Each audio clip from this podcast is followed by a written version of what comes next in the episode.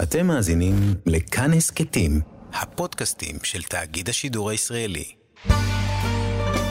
חברותה עם ידידיה תנעמי, והערב לימוד משותף עם הרב אוהד טהר לב.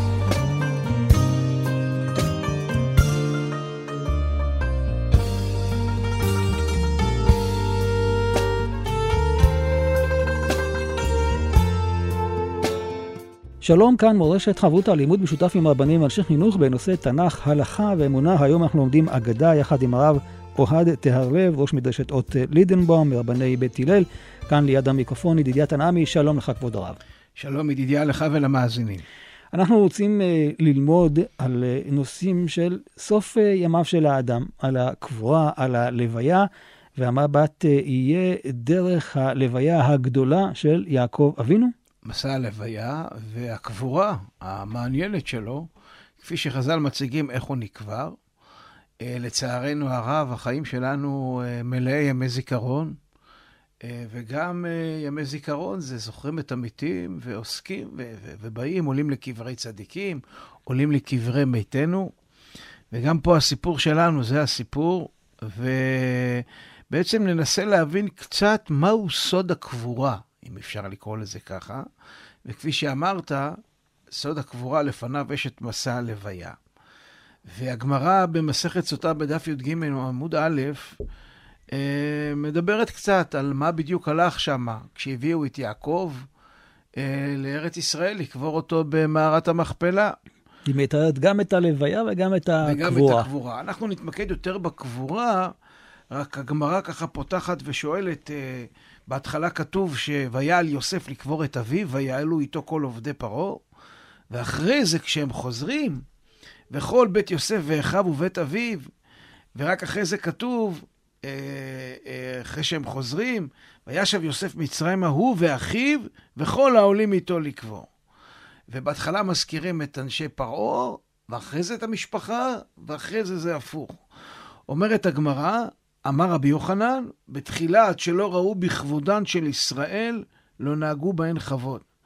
לבסוף, שראו בכבודן, נהגו בהן כבוד. זאת אומרת, הם מגיעים עם הארון, ורבי אבאו מתאר תיאור שמקיפים בכתרים את ארונו של יעקב כגורן, באים בני עשיו, בני ישמעאל, בני קטורה, כן, כל המשפוחה, אה, כולם באים למלחמה, כי עם ישראל עולה ככה בעם גדול וכבד, וכיוון שראו כתרו של יוסף תלוי בארונו של יעקב, הם ישר הורידו כולם את הכתרים כאות של כבוד, ושמו את הכתרים על ארונו של יעקב, 36 כתרים מסביב, ומספידים שם מספד גדול, עד כדי כך שהגמרא אומרת שאפילו סוסים ואפילו חמורים הספידו.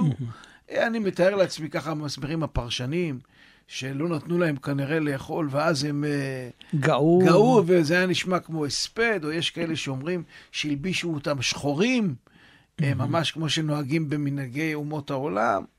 ואז הגמרא מספרת מה קורה כשהם הגיעו למערת המכפלה. כיוון שהגיעו למערת המכפלה, הם כולם באים, עתה עשיו קם מעכב. מגיע עשיו ואומר, רבותיי יקרים, סליחה, כן, אמר להם, ממרא קריית ארבע היא חברון, זה המקום. וכמו שאנחנו יודעים, אמר רבי יצחק, קריית ארבע, למה קוראים לה קריית ארבע? ארבע זוגות היו, אדם וחווה, אברהם ושרה, יצחק ורבקה, יעקב ולאה. כן, זאת אומרת, יעקב ולאה אמורים להיקבר. אומר עשיו, אי הוא קברה ללאה בדידי, והי דפאיש דידיהו. Mm. זאת אומרת, סליחה, אני הייתי צריך להיקבר פה. זה לא הולך לפי זוגות של גברים ונשים, אלא... לפי חשיבות. לפי יעקב ועשיו. והוא קבר את אשתו, את לאה. אמרו לזווינתה, מה אתה רוצה? אתה מכרת את החלק שלך. מכרת את הבכורה. אז החלק שלך בקבורה, הוא קיבל. הוא קיבל שניים, כמו שבכור מקבל. אמר לה, נאי דזביני בחירותא, פשיטותא מזביני. זה שאני מכרתי את הבכורה, החלק של הבכורה זה החלק הכפול, המכפלה.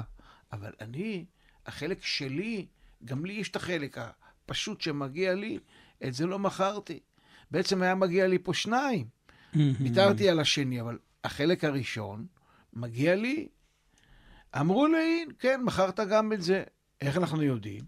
דכתיב בקברי אשר קריתי לי.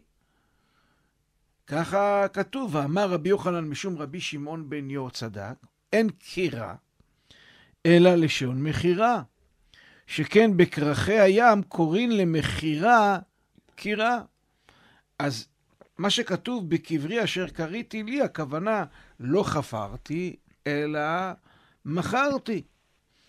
ובעצם מכרת את החלק שלך. אמר לה, הוא אומר להם, עשיו, אהבו לי איגרת, תביאו לי את החוזה. את הטופס. את הטופס, איפה כתוב שאני מכרתי? אני לא זוכר.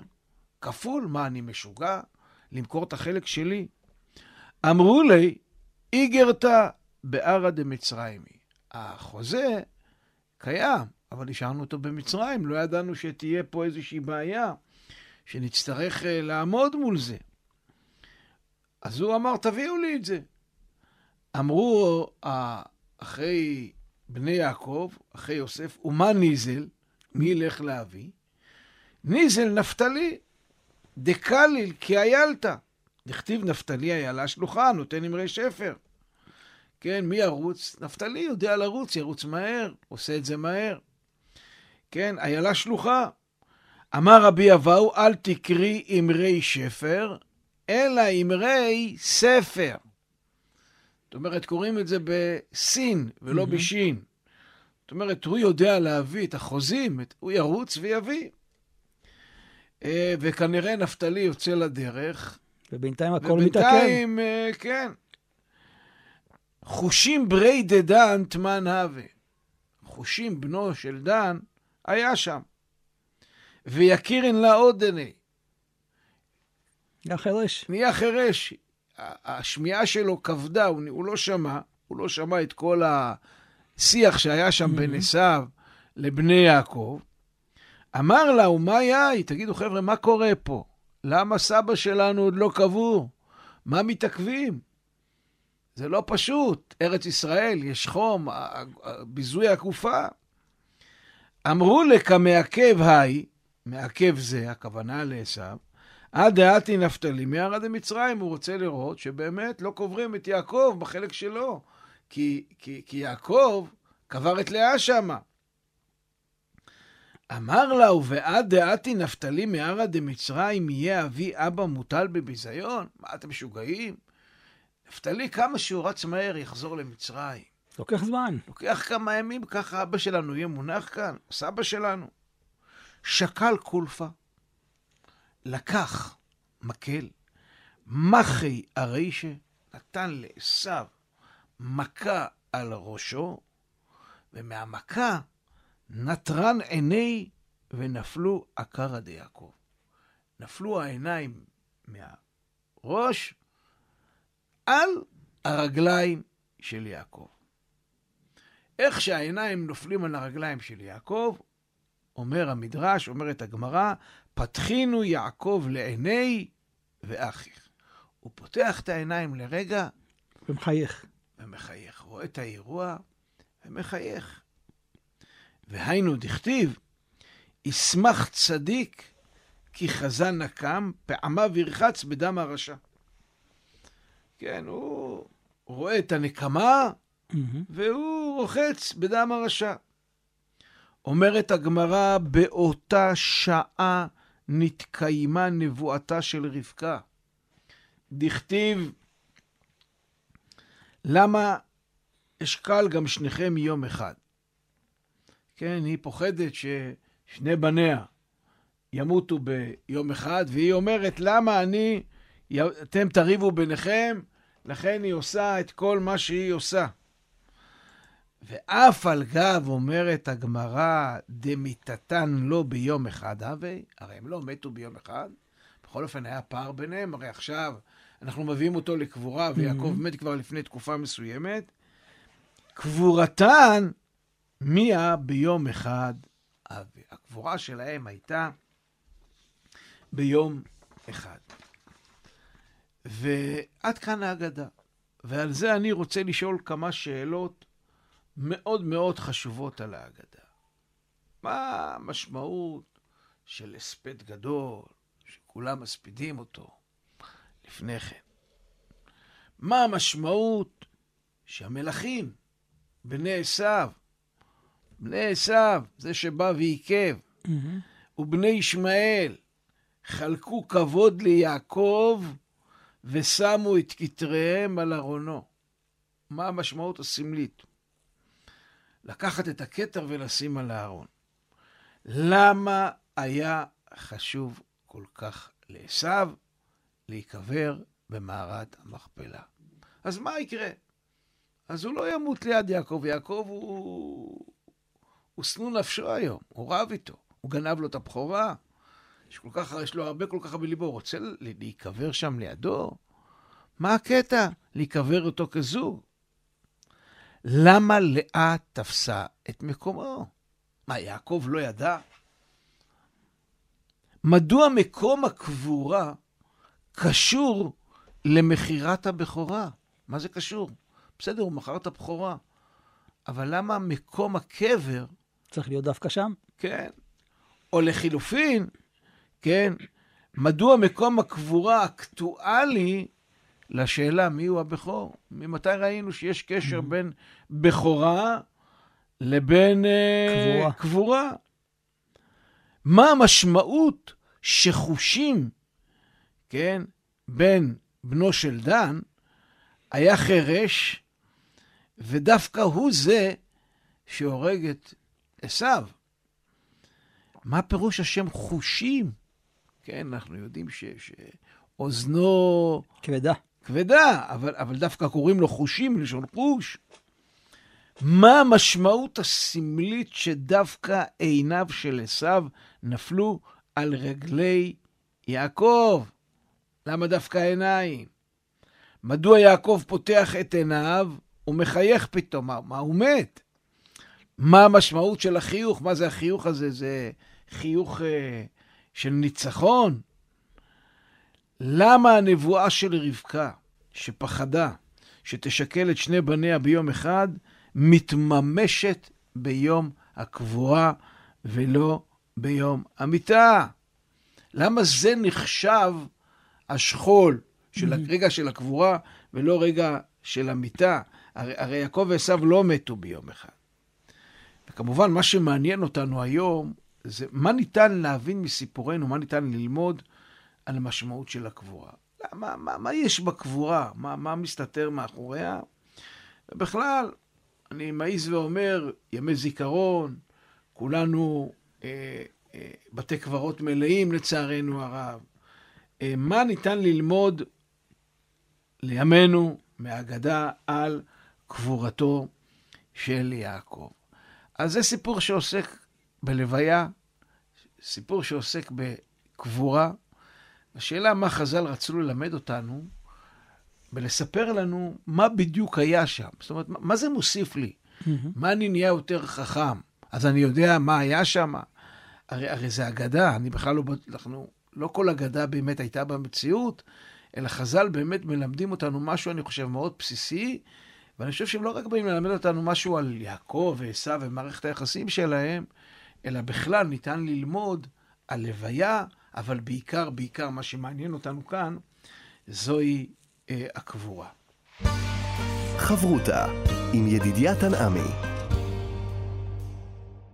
חברותה בהגדה כאן אה, במורשת, יחד עם הרב אוהד טהרלב, ואני כאן רוצה לקחת את הסיפור הזה כסיפור מאוד אה, מעניין ומרתק שמוכר באגדות, עם הסיפור של אה, חושין אה, בן דן, ולנסות להבין בעצם, יש כאן איזה מאבק שנמשך עד מיתתו של יעקב אבינו בין עשיו לבין יעקב. נכון, הוא, הוא, יש פה איזו סגירת מעגל מדהימה בין הלידה לבין הקבורה. כשהדבר שמחבר ביניהם זה המכירה של הבכורה. בלידה, זאת אומרת, המאבק שאנחנו מכירים בין יעקב לעשו הוא מאבק שבדרך כלל קיים עוד בבטן של רבקה. Mm-hmm. אנחנו יודעים שליעקב קוראים יעקב כי הוא אוחז בעקב עקב. אחיו. אז בלידה היד אוחזת בעקב, והנה תראה, בקבורה העיניים של עשו נופלות על רגלי יעקב. Mm, זאת מעניין. אומרת, יש פה איזושהי סגירת מעגל. כשבתווך קיימת המכירה, וכשאנחנו יודעים, כשהיה סיפור המכירה, אז, אז כמובן מתעוררת השאלה, מה בדיוק מכר עשיו? וכמובן, איך אפשר למכור בכורה? ואם תשים לב, יש פה בשפת המדרש משחק מילים מאוד יפה בין קריטי, בין מכירה, בין כרכי הים, שזה הכוונה כאילו עיר בתוך הים, לבין אפילו, הייתי אומר, תכריכים וואו. של מת. זאת אומרת, איך, איך, איך, איך, מופיע בהגדה? אמר לה, נאי דזביני בחירותה, זה שקניתי בכורה, מכרתי בכורה, החלק הפשוט שלי לא קניתי. ואז הוא אומר, כן, כי כתוב בקברי אשר קריתי לי. זאת אומרת, המילה קריתי באותן אותיות של המילה בכורה, בכרותה. ואומר רבי יוחנן משום רבי שמעון בן יוצלק, אין קירה אלא לשעון מכירה. זאת אומרת, יש פה מכירה, יש פה קירה, יש פה בכורה, כן? ויש פה כרכי הים, קוראים למכירה קירה. זאת אומרת, הקרחי הזה מזכיר תכריכים וגם קריאת. קבר. איך, אנחנו לא חופרים קבר, אנחנו קוראים קבר. וזה מאוד מעניין, המשחק הזה של המילים. ו- ו- ו- הכל ונחזור- מתחבר. והכל מתחבר ועוד נחזור לזה. למה דווקא העיניים של עשיו? יש אומרים כי הוא נתן עיניו בלאה, אבל אני חושב שיש פה כמובן סמל למשהו עמוק. עין טובה, עין רעה, אבל יש פה משהו עוד יותר עמוק. לוקח אותנו, העיניים מעוררות בנו אסוציאציה, ל... הן מתכתבות עם עיניו של יצחק, שהיו הוא היה סומארה. הוא היה סומק, עבדו מזוקן, כן? הוא לא ראה. לפי חז"ל, בגלל העשן של העבודה זרה של עשיו. אה, אבל בעומק העניין, חז"ל לומדים, שעשיו הוא לא, לא רק העשן, אלא סימה את אביו מבחינה רוחנית. זאת אומרת, כן. הוא גרם לו להיות שבוי. שבוי, הוא לא ראה, הוא היה עיוור באיזושהי קונספציה. הוא היה שבוי בקונספציה, היה לו תפיסה מסוימת. סבל מעיוורון רוחני. וגם פה בסיפור שלנו, יש לנו את, צריך את חושים, שהוא לא שמע, אבל כנראה כמו כל אדם שיש לו בעיה באחד החושים, זה חוש אחר מפותח החוש אחר. מפותח. כנראה הוא ראה מצוין. ומה הוא ראה? תשים לב, פשוט מדהים. אחיו לקו בעיוורון, זאת אומרת, עשיו מומחה בלעוור את הסביבה. הוא אומר להם, תביאו חוזה, כולם מחכים. בא החושים, אומר, תגיד, אתם משוגעים? כן, ונותן ואומר, יאללה, תגמרו איתו כבר. הוא מתעתע בנו. זאת אומרת, בא החירש ופתאום רואה כמה עשיו מנסה לעוור, לסמא את כל הסביבה, והוא עוזר אומץ והורג אותו. עכשיו, מעבר לזה שחושים בן דן, שם חושים מלשון אה, חוש, זה גם אותיות משיח. וואו. יש פה אלמנט של, של תיקון. אבל יש עוד משהו מאוד סימבולי ב, ב, בזה שדווקא חושים בן דן עושה את זה. לפי המדרש, אה, יש שתי דעות מי הרג את עשיו לפי המדרש. יש דעה שאומרת שזה חושים, ויש דעה שאומרת שזה היה דווקא יהודה, לפי המדרש. עכשיו תשים לב, חושים הוא הקטן ביותר, הצעיר ביותר מצאצאי יעקב. כן, הבן של דן, הבן הקטן, אם תרצה, המספר ה-70 של 70 נפש שיורדים למצרים, ו, ו, והוא דווקא הוא זה שפוגע בעשיו. אמנם יש דעה שאומרת שיהודה הבכור, אבל איך שלא נסתכל, או הקטן או הבכור, הם אלה שבאמת אה, עושים את זה. עכשיו, מעניין שהמדרש מספר על יהודה שהוא בא לפגוע בעשיו מאחורה. למה? כי הפנים של עשיו היו מאוד דומים ליעקב, יעקב, הם אה, היו תאומים. זהים. ובאמת, זה קצת מזכיר לנו את שני השעירים לש- של יום הכיפורים, שהם מאוד מאוד זהים וש, ו, ו, ושווים בעצם. זאת אומרת, יש לנו פה תופעה מאוד מעניינת. יעקב ועשו מגיעים ביחד לעולם, ויוצאים ביחד מהעולם. זאת אומרת, נקברים. כמובן זה דורש להבין מה המשמעות של העניין הזה. יעקב, העיניים של עשו נופלות, ויעקב מחייך. יעקב מבטא חיוך של ניצחון במאבק הנצחי בין יעקב לעשו, ואפילו הייתי אומר יותר מזה. תראה מה זה. את יעקב המצרים חונטים בתכריכי מת, שאמורים לשמור לו על הגוף. כן, זה היה כל הרעיון של התכריכים.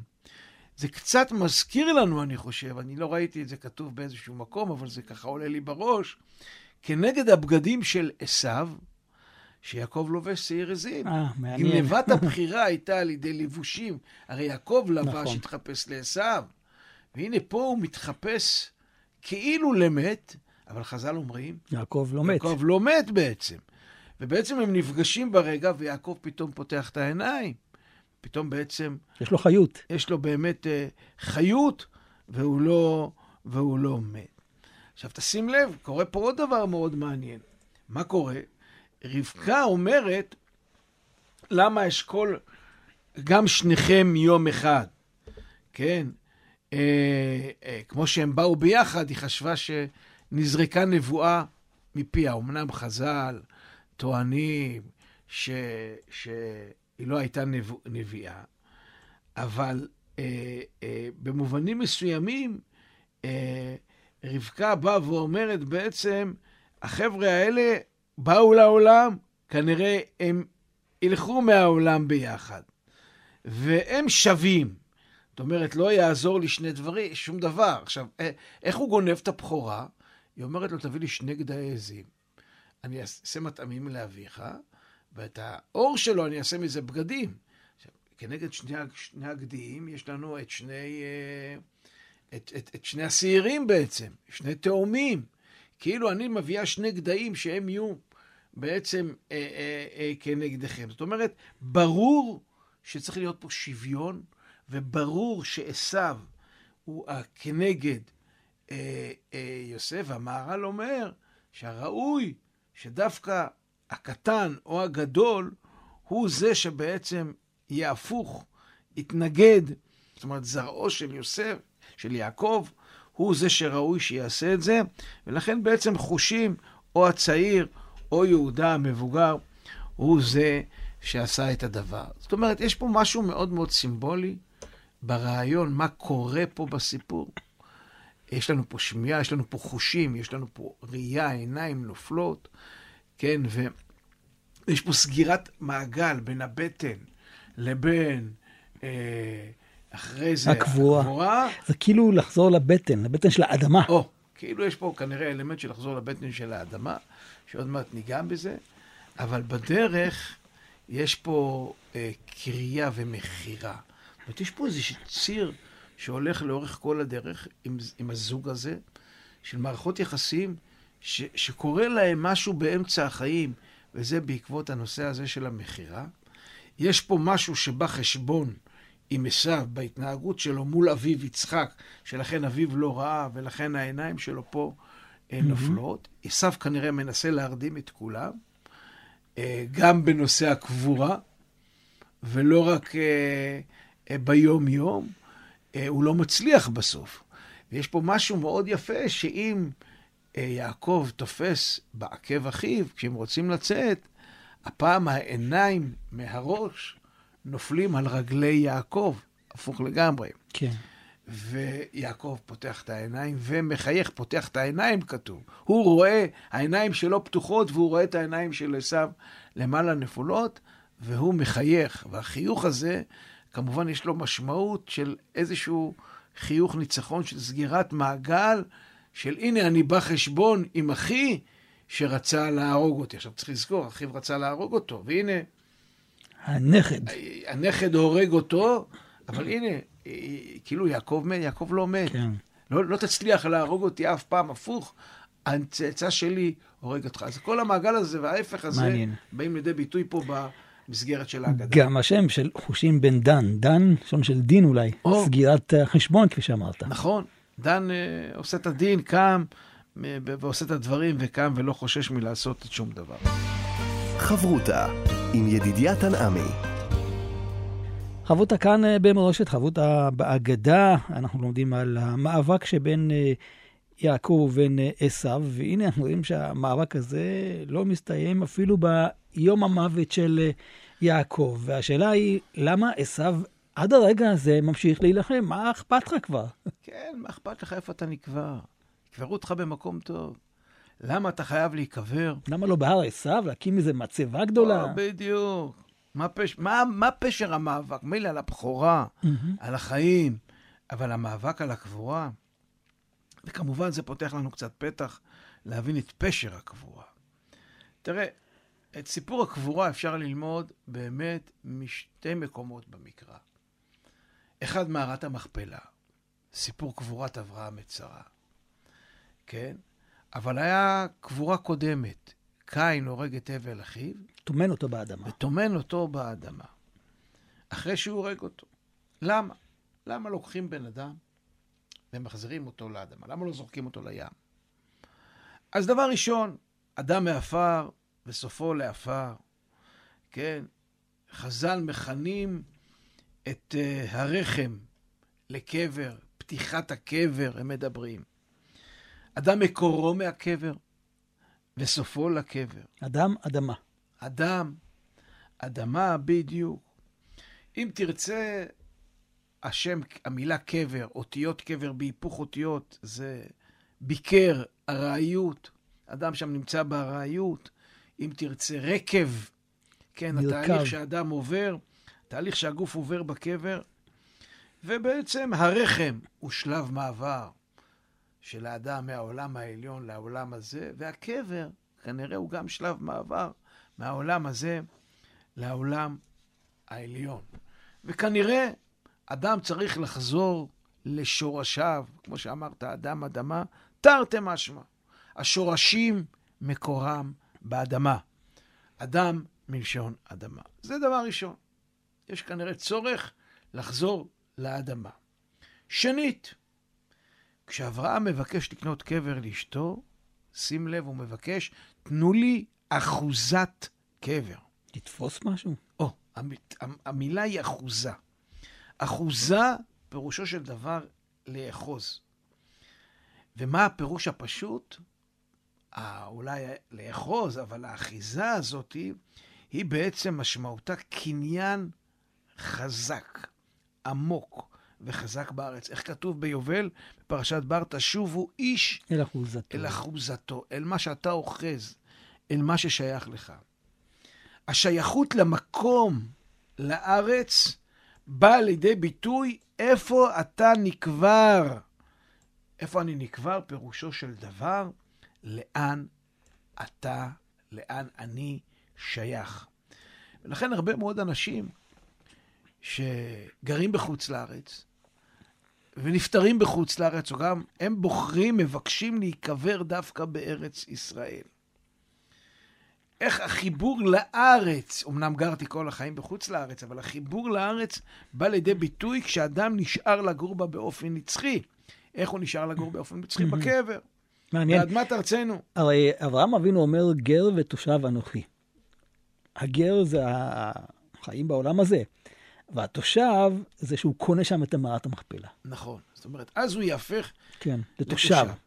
עכשיו, ה- ה- האדם שנקבר באדמת ארצנו, במיוחד כשהוא מוצר את נפשו על הארץ, כן. אז הוא עוד יותר שייך ומחובר לארץ, כי על זה, כי על זה הוא מסר את נפשו. כן, אפרופו, אה, אנשים ש, ש, שנהרגים במלחמה, או נופלים על קידוש השם, אה, במלחמה על ארץ ישראל, בהגנה על הארץ, אין דבר שיותר שייך ממך לארץ. אז יש פה עניין של אחיזה ושייכות מאוד עמוק. אבל יש פה עוד עניין בקבר. יש פה מישור עמוק יותר, וזה הצורך העמוק של האדם במקום. אין אדם שלא זקוק למקום, ואין אדם שלא מחפש את מקומו בחיים, מרגע שאנחנו נולדים עד שאנחנו מתים. בעומק העניין, אנחנו כל החיים מחפשים את המקום שלנו. תראה מה זה. המאבק של יעקב ועשו, זה האגדה שלנו, עוד בבטנה של רבקה היה לאיזה מקום אני שייך. היא הייתה עוברת ליד בית עבודה זרה, הוא רצה לצאת עשו. היה עוברת ליד בתי מדרש, יעקב רצה להציג. המאבק על הבכורה הוא תמיד מאבק על מקום. גם על המקום, אם תרצה, של המקום שלי במשפחה. אבל גם על המשמעות הכלכלית, כי קיבלו פי שתיים מהקרקע.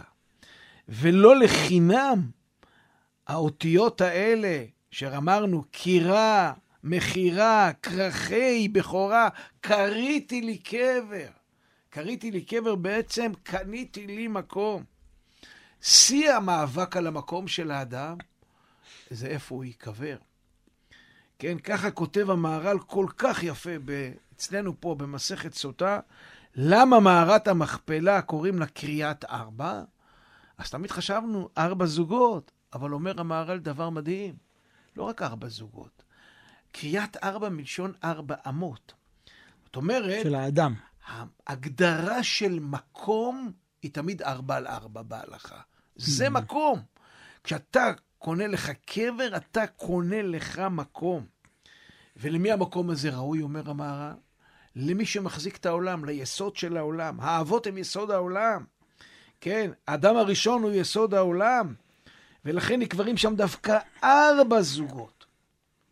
יש פה, המספר ארבע יש לו מקום, זה שטח מרובע, כן? ו- ו- ומי, ופה מתחיל הוויכוח, מי ראוי שיהיה לו את המקום הזה? ולכן כשרבקה אומרת שהיא חוששת אה, לאבד את שני בניה, לשכול את שני בניה ביום אחד, היא לא מתכוונת למיטה. היא מתכוונת ליום הקבורה. מתי אדם נחשב שהוא מסתלק מהעולם? כשהוא מוצא את מקומו. מתי הוא מוצא את מקומו? כשהוא נקבע.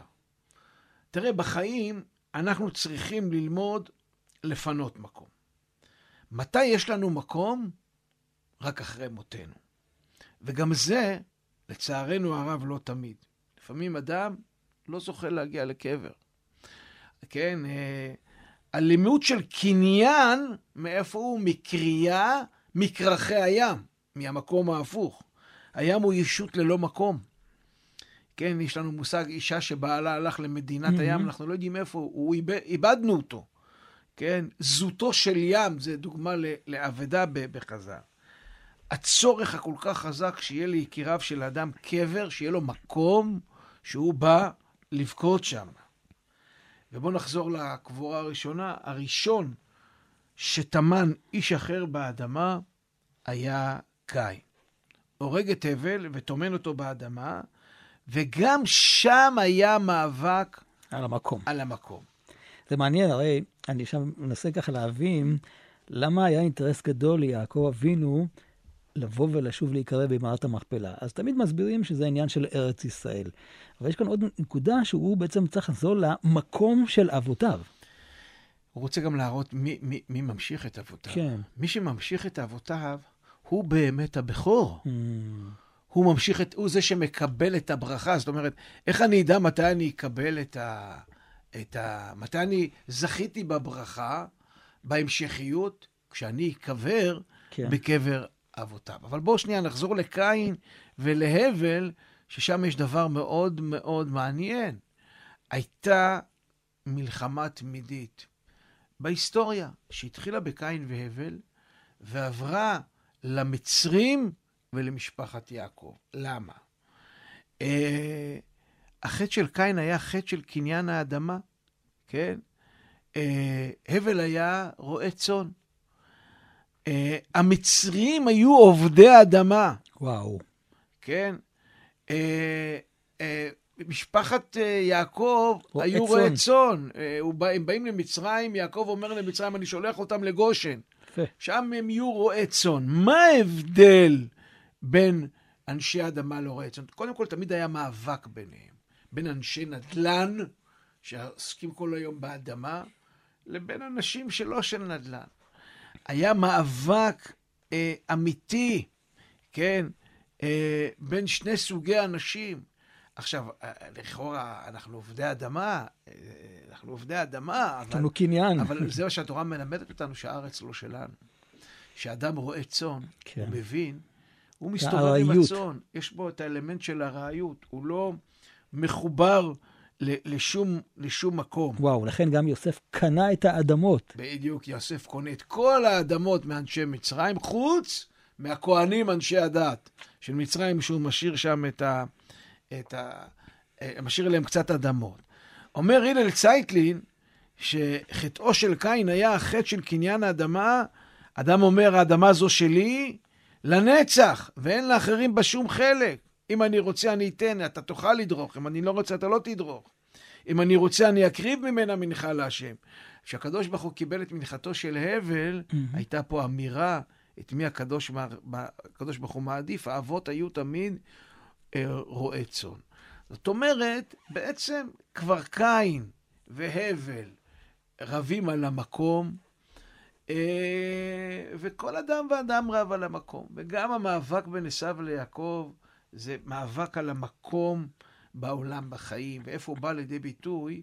דווקא בקבר. להביא בן אדם לקבר זה לא רק כבוד המת, זה לא רק אה, שהגופה לא תסריח, יש פה אלמנט מאוד חזק שאדם בא לנוח על מקומו בשלום כל חייו.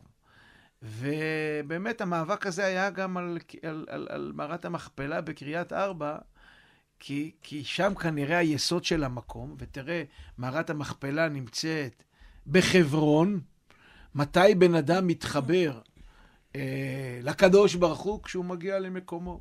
הוא מקומו של עולם, ואין העולם מקומו. מתי אנחנו מתחברים לקדוש ברוך הוא? כשבאים לעבוד אותו בבית המקדש.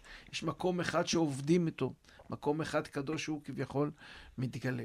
אז אנחנו, גם כאנשים פרטיים, תמיד חיים במאבק אה, לתפוס את המקום שלנו, אבל אתה יודע, אנחנו, לימדו אותנו רבותינו, במיוחד רבותינו החסידים, שאדם צריך לדעת לפנות מקום ולא לתפוס מקום.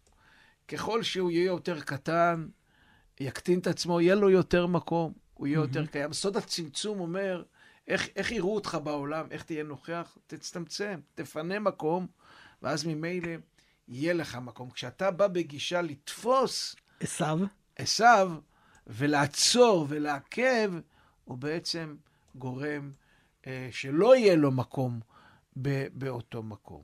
והחיבור הזה הוא חיבור שבאמת לוקח אותנו מאוד יפה עם המשחק מילים של הבכורה, של הקריאה, של, של, של המאבק הזה בקבר, של כרכי הים, כן, של, של תכריכים, mm-hmm. הכל כף, ריש, ב', תשים לב, אותיות בכור, דורשי רשומות אומרים ב', כף, ריש, זה תמיד האותיות השניים. אתה חושב שהגדול הוא הבכור? לא, דווקא הקטן, דווקא זה שמקטין את עצמו. הוא זה הבכור, ואני אומר את זה ככה לחשיבה, mm-hmm. בתנ"ך, תמיד השניים היו מובחרים יותר ולא הראשונים. מעניין. מה אנחנו לומדים לימינו? אוי ויי, מה אנחנו לומדים בימינו? אנחנו לומדים בימינו שאנחנו צריכים להיות תמיד בתנועה של לפנות מקום, ולא לתפוס את המקום. גם כחברה וגם כאנשים פרטיים. לוותר, לתת מקום, לתת מקום לשני, לתת מקום לכבוד של השני. תראה, המאבק, שלושה דברים מוציאים את האדם מן העולם. הקנאה, התאווה והכבוד. כבר אמרנו פעם, בשם הרב שטיינזלץ, שזה שלושה שלבים בגיל האדם. הקנאה שהוא צריך, הוא רוצה משהו שלו שלו. לתפוס מקום שלו שלו. תאווה, הוא משתוקק למשהו שמחוצה לו. וכשהוא נהיה מבוגר, הכבוד, המקום שלו. למה? למה אדם כשהוא נהיה מבוגר, כל כך חשוב לו הכבוד? אנחנו בני אדם כולנו. למה? כי הוא מרגיש שהוא הולך לאבד את מקומו. הוא הולך לצאת מן העולם. לא ירד אחריו כבודו, אומרים חז"ל. בסופו של דבר, אתה תצא מן העולם, אתה כאילו תאבד את מקומך, אתה לא תאבד את מקומך, אתה תקבל את מקומך. בעולם הבא תקבל את המקום המיועד לך, ולכן בהפוך על הפוך, זה תמיד תחושה בדיוק הפוכה, והמאבק הזה בא לידי ביטוי גם כחברה, mm-hmm. אני חושב שזה קשה להבין, הרי אנחנו כל הזמן בפוליטיקה נאבקים זה, נאבק בזה, והרשות המחוקקת ברשות השופטת, הגישה צריכה להיות הפוכה. לא להיות מי יותר חזק, מי קובע, הא, ההפך, מי מפנה, מי נותן. מי נותן. ברגע שתהיה בעמדה כזאת, גם לך יהיה מקום וגם לשני. הרב אוהד תהרלב, ראש מדרשת אות לידנבאום, רבני בית הלל, תודה רבה לך. שלום לך ולמאזינים. כאן ידידיה תנעמי ניתן להאזין לתוכנית הזאת באתר כאן מורשת ובשאר יישומי ההסכתים. אתם מאזינים לכאן הסכתים, הפודקאסטים של תאגיד השידור הישראלי.